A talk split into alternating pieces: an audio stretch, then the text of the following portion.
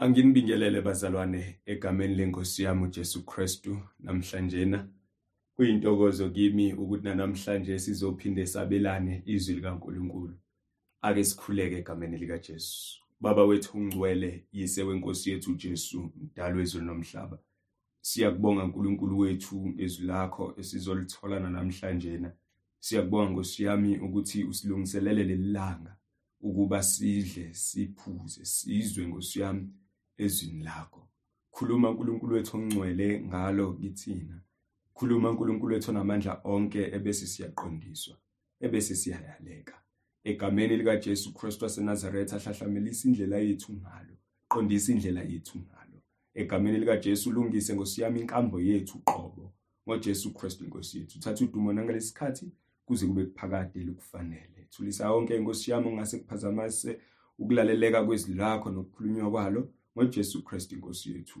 Amen. Bazalwane isifundo sethu sanamhlanje na sisithola encwadini kaHezekeli eh isahluko sesibili. Soqala ukufunda ku verse 1 size siyoma ku chapter 3 verse 3 wakhona. uHezekeli chapter 2 siqala ukufunda ku verse 1 size sime ku verse 3 wa chapter 3 la kufundeka khona kanje. Wathi kimi ndodana yomuntu yima ngezinyawo zakho ngiyakukhuluma nawe. Wangena kimi umoya esakhuluma kimi wangimisa ngezinyawo zami ngamuzwa owakhuluma kimi. Wathi kimi ndodana yomuntu ngiyakuthuma kubantwana bakwaIsrayeli. Izizwe ezambukayo ezingihlubukile. Bona nawoyise baphambukile kimi kuze kube namuhla. Bangabantwana abanobuso obulukhuni nenhliziyo enqala. Ngiyakuthuma kubo uyakuthi kubo isho kanje inkosi uJehova ithi bona ke noma bezwa noma benganaki ngokuba bayindlu ehlubukayo bayakwazi nokho ukuthi kade ekhona umprofeti phakathi kwabo. Wena ndodana yomuntu ungabesabi. Ungesabi namazwi abo noma amakhakhasi nameva kukuwe.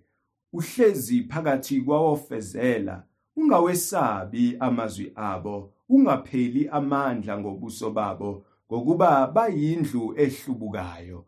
Uyakukhuluma amazwi ami kubo noma bezwa noma benganaki ngokuba bangabahlubuki. Kepha wena ndodana yomuntu yizwa engikukhulumayo kuwe. Ungabi ngumhlubuki njengala njengalendlu ehlubukayo. Vula umlomo wakho udle engikunika kona. Ngase ngibheka naso isandla saselulelwe kimi. Naphakathi kwaso bheka ngumqulu wencwadi. Wawuneka phambi kwami wawulotshiwe ngaphakathi nangaphandle kubhaliwe kuwo izililo nezililiselo nokuthi maye. Wayesethi kimi ndodana yomuntu yidla okufumanayo udle lomqulu uye ukhulume kuyo indlu yakwaIsrayeli.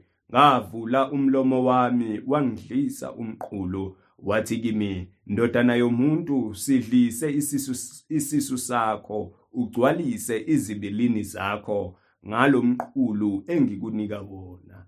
Ngase ngiwudla wawumnandi emlonyeni wami njengezinyosi. Amen. Baba wethu ongcwele yise wenkosi yethu Jesu Kristu umdali wezulu nomhlaba izwi lakho leli inkosi yethu linamandla liphefumulelwe nguwe. Khuluma ngalo kithina namhlanje na ngoJesu Kristu inkosi yethu. Amen. Bazalwane sengibingelele egameni lika Jesu. La esifunde khona sifunda ngokubizwa kuka Hezekeli uma Ezekiel ezobizwa noma uEzekeli ezobizwa uNkulunkulu umdlalela isithombe kwisahluko sokuqala esimangazayo esingakaze sibone umuntu ubona isibonakaliso inkazimulo kaNkuluNkulu ibonakala. Kuyadlala nje uma ufunda isahluko sokuqala uzokuthola ukuthi kuhamba kanjani kwenzeka kanjani ubona ziphi izidalwa zezulu ezingaziwa umuntu ngamehlo nyama ezingabonwanga umuntu. uEzekeli aba neexperience yokuthi azibone wathola eh, eh ukuthi azibone lezi esaphila le lezidalwa azibone sake emhlabeni ngamehlo akhe amabili enyama.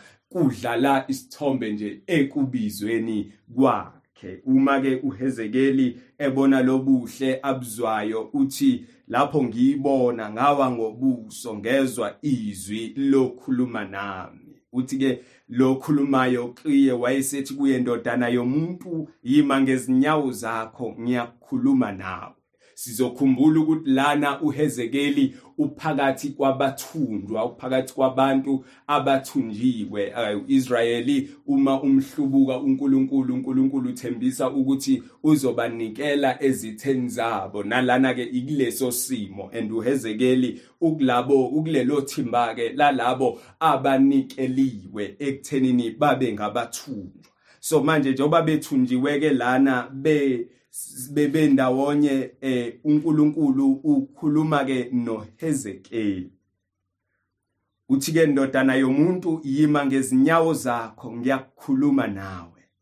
Njengoba kade sifunda bazalwane silizwile izwi likaNkulunkulu ukwangena kuye ke umoya esakhuluma wamisa ngenyawo wamuzwa okhulumayo. Lokhu kungikhumbuza indaba yokusindiswa kwethu bazalwane ukuthi silizwile izwi hleze thina simzwile uNkulunkulu hleze ekhuluma nathi. Ekukhulumeni kwakhe saze sathatha isinqumo sokuthi sibe ngabasindiswa samkele uKristu Jesu. Saze saba ilabo abathi bafuna ukufana noKristu Jesu ngenkambo. Uma kambe sizwa izwi likaNkuluNkulu. Uma ekhuluma kanjena uHezekeli ungifakazisa ngokuthi ngithi mina impela ukube umoya ongcwele akangenanga phakathi kwethu mhlambe nathi ngeke singakubonanga ukukhanya kodwa umoya ongcwele owangena phakathi kwethu ngenkathi likhulunywa izwi likaNkuluNkulu wasivezela ukukhanya. Ingakho ngelinye ilanga sazithola simile sivuma ngomlomo wethu ukuthi ngiyakholwa kuNkulunkulu uyise usomandla umdali wezulu nomhlaba nakuJesu Kristu indodana yakhe ezelwe yodwa inkosi yethu owamkelwa ngomongcwele. Lokhu sikushiswa ukuthi sa umongcwele wangena phakathi kwethu wasambulela. Kalokhu kade sifile eziphambekweni zethu. Ngenxa yeziphambeko zethu besifile singamazi uNkulunkulu singafuni lutho olusondelene noNkulunkulu. Kodwa uma umongcwele sefake umoya wokuphila uma uNkulunkulu esethumele umoya wokuphila ongumongcwele uNkulunkulu qobo lakhe esephakathi kwethu kwabonakala amathamba ekade efile izidumbe ekade ifile siyitshela ukuthi siyaphila sabona sivuka ngomsebenzi kaKristu awenze esiphambanweni. Uma uKristu efa esiphambanweni evuka uvuka nemizimba yethu ukuze sibe ngabazosukuma kusasa ebese banikezwa umyalezo wokuyoshumayela izwi likaNkuluNkulu. Ngamanye amazwi uma ethi kwangena kimi umoya esakhuluma kimi wangimisa ngezinyawo zami ngamuzo wakhuluma kimi lokhu kungenza ukuthi ngibe ufakazi ukuthi sasingeke simuzwe uNkulunkulu noma umshumayelo wayephambi kwethu ngaleso sikhathi eshumayela izwi likaNkulunkulu. Ukuba uNkulunkulu akamfakanga umoya wakhe ongcwele phakathi kwethu ukuze sizwe bese sibuka kangcono ukuthi hayibo nansi indaba la. Mase sesizwileke noma uma sezwa ke lo okhulumayo uHezekeli uthi lo okhulumayo ndodana yomuntu ngiyakuthuma kubantwana bakwaIsrayeli izizwe ezambukayo ezingihlubukile. Bona nawoyise baphambukile kimi. Kuze kube namuhla. La esikhathini saHezekeli kunabantu abangamlandeli uNkulunkulu. uNkulunkulu esezambulile kubona esezivezile ubukhulu babo. Isizwe sakaIsrael kade kumele sizahlukanise. Sakopela kwabanye eh, bezizwe safuna uNkulunkulu bezizwe salandela imkhondo yabezizwe. Kodwa uNkulunkulu wabagxilisa wathi uma uma bengalaleli nokulalela bengahambi futhi ngezimiso zabo uzobanikela ezitheni zabo. And this is the case here. Banikelwe ezitheni zabo. Mabenikelwe ezitheni zabo egameni lika Jesu mabenikelwa kulabo abazoba bathumba bathunjwa nje hayi ngoba uNkulunkulu engasabanakilwe bathunjwa nje hayi ngoba uNkulunkulu engabazi ukuthi bona basuke bangamazi uNkulunkulu bamhlubuka kuqala sethi kuNkulunkulu kuhezekeli ngiyakuthuma kulabo bantu abangabahlubuki.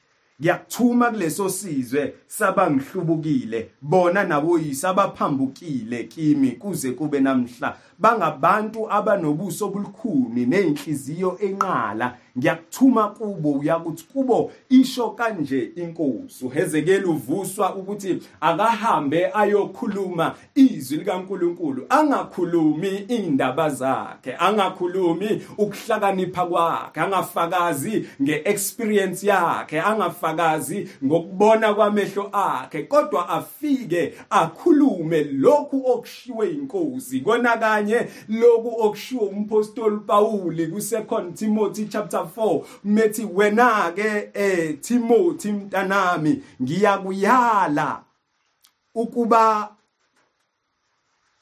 ngiyaqinisa phambi kaNkuluNkulu noKristu Jesu oyokwahlulela abaphilayo nabafileyo ngokubonakala kwakhe nombuso wakhe ngithi shumayela izwi uqinise noma kuyisikhathi noma kungesiso. Sola ukhuze uyale ngakho konke ukubekezela nokufundisa. Kona lokho kushiwo umpostoli Pawule okukhulunywa inkosi lana kuHezekeli ukuthi ungakhulumi experience yakho kodwa fike uthi thus says the Lord kubantu bakwaIsrael and laba labantu banhliziyo zabo zilikhuni labantu bantamo zabo zilikhuni labantu baqinisiwe noma labantu abaliboni iqiniso. Kodwa kuzokwenzeka lokho kulapha kuRomans chapter 10 verse 14 abayukuzwa uma engekho ofikayo kubona ashumayele. Abayukholwa mabengazi ukuthi ubani obasindisayo. Ngakho wena ke Hezekeli hamba ufike uye phakathi kwabo ushumayele.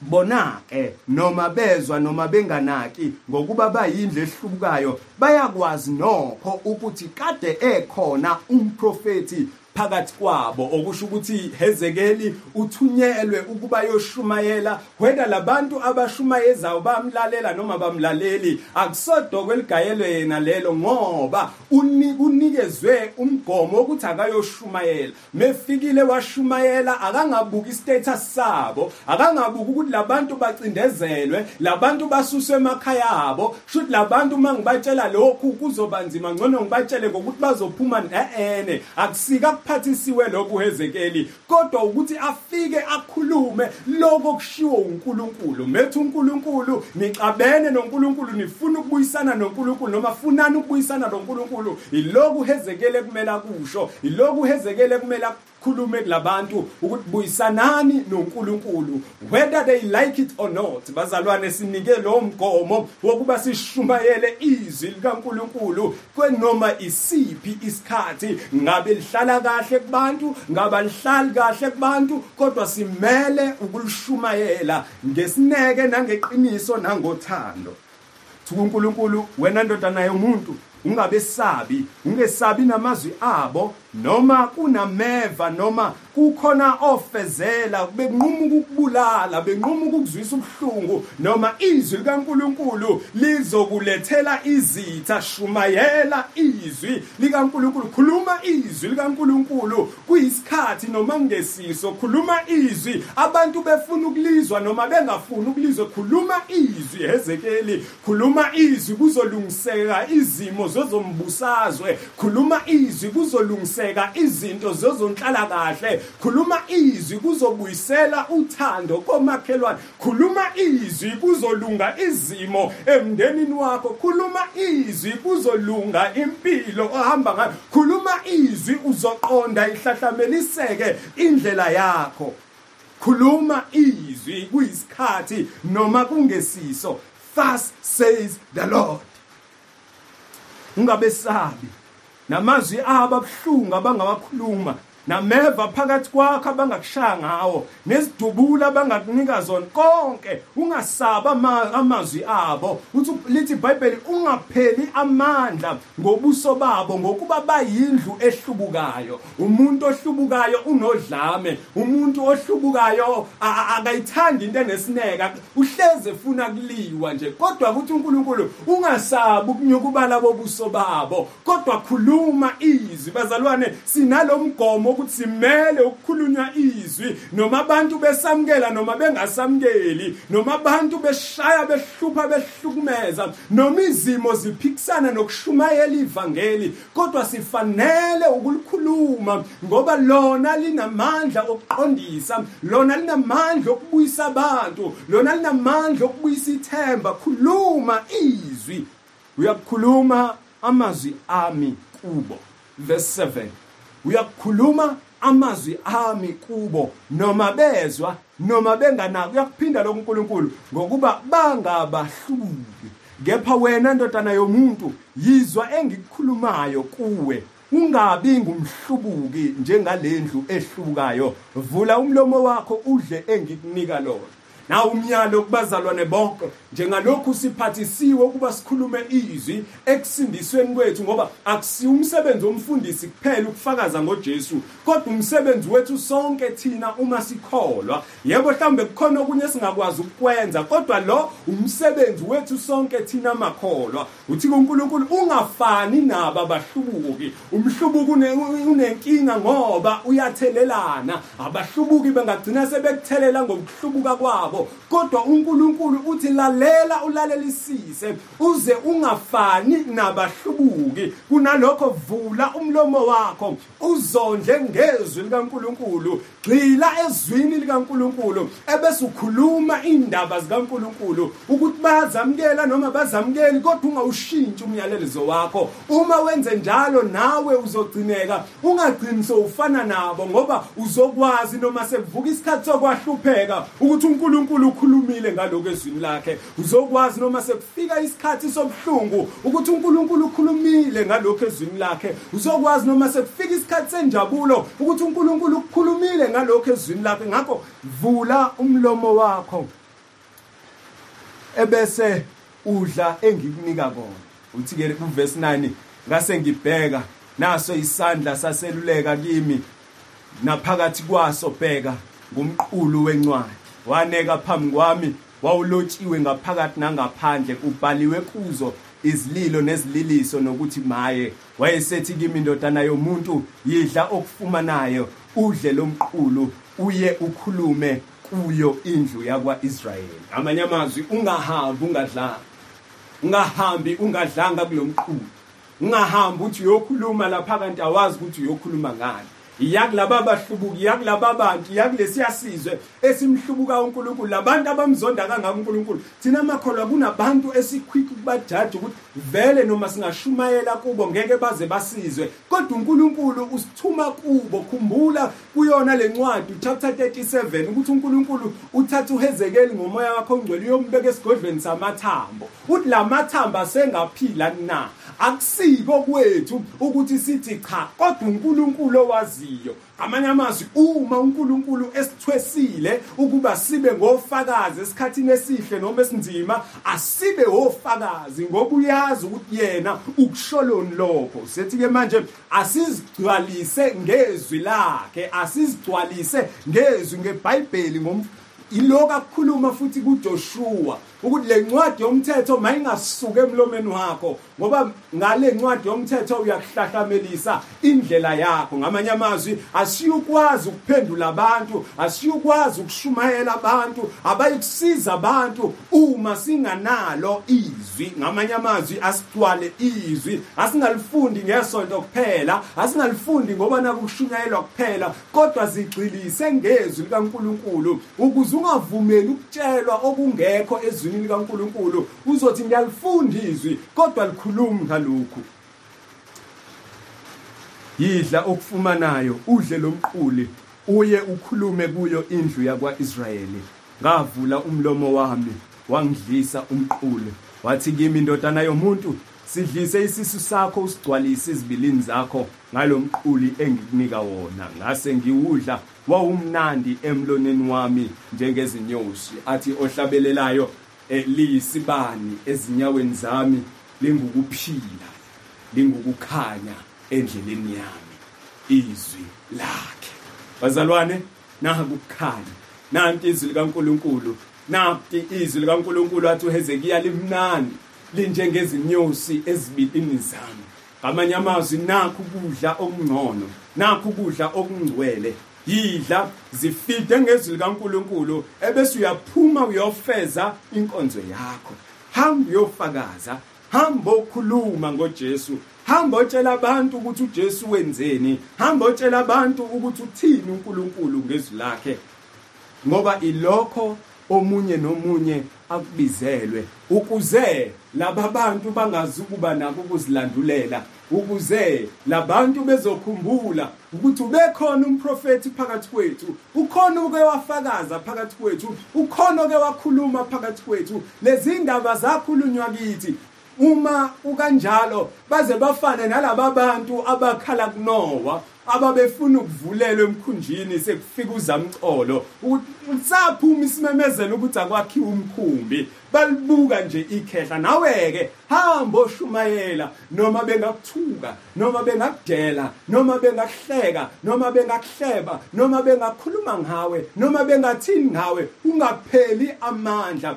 Kodwa zifide ngezwi likaNkuluNkulu. Ushumayela unganaka ameva bakuphosa ngawo unganaka ofezela bakuncinzayo kodwa naka into oyibizelwe uNkulunkulu engukuthi ukudlulisa umyalezo. Wakhe ngezwi lakhe shumayela izwi kuyisikhathi kungesikho. Ngezwi likaNkuluNkulu kuguqa phasi konke okubekiwe. Ngezwi likaNkuluNkulu sisi siyakhona ukusinda. Ngezwi likaSimakade sikhona ukwenza izinto noma kukhona ukulungiseka izinto ekade singasathembi ukuthi sizolu ngezwi lika ngikhona ngakho ke hamba ke ukhulume izwi ngoba ngezwi kwenzeka izinto ezingenzeki kubantu. Izinto ezibukeka zi-impossible ukuthi zingenzeka kodwa ngezwi likaNkuluNkulu ziyenzeka. Mayinibusise inkosi sisalithokozele izwi lakhe asikhuleke egameni likaJesu. Baba wethu ongcwele yise wenkosi yethu Jesu mdalo wezulu nomhlaba siyakubonga uNkulunkulu wethu ongcwele ngezwi lakho elisilulekayo namhlanje na ukuba silikhulume nkosi yami kuyisikhathi noma ngesiso kuba silikhuluma inkosi yami abantu belizwa noma bengalizwe silikhuluma abantu belifuna noma bengalifuni.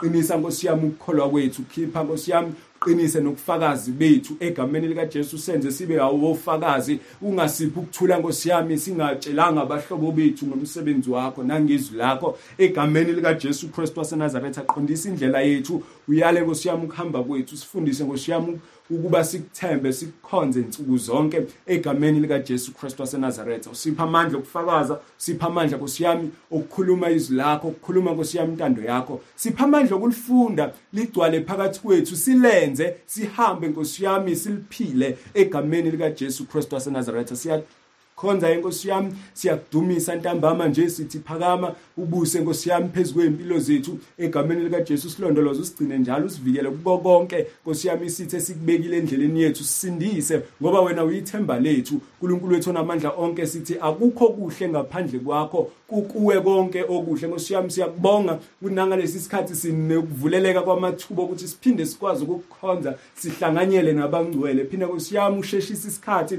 sokuba nkosi yami size sikhonze sibe ndawonye sizwe izwi lakho sizwe nkosi yami ukukhuluma kwakho sike endlini yakho sikukhonza ngamahubo nangendumiso. ngoKristu Jesu inkosi thatha udumo nangalesikhathi kuze kube kuphakade. Musa wenkosi yethu uJesu uthando kaNkulunkulu Baba hlanganyela kwaMoya Ngcwele makube nathi sonke kusigcine kusilondoloze azafika uJesu Kristu inkosi yethu. Amen.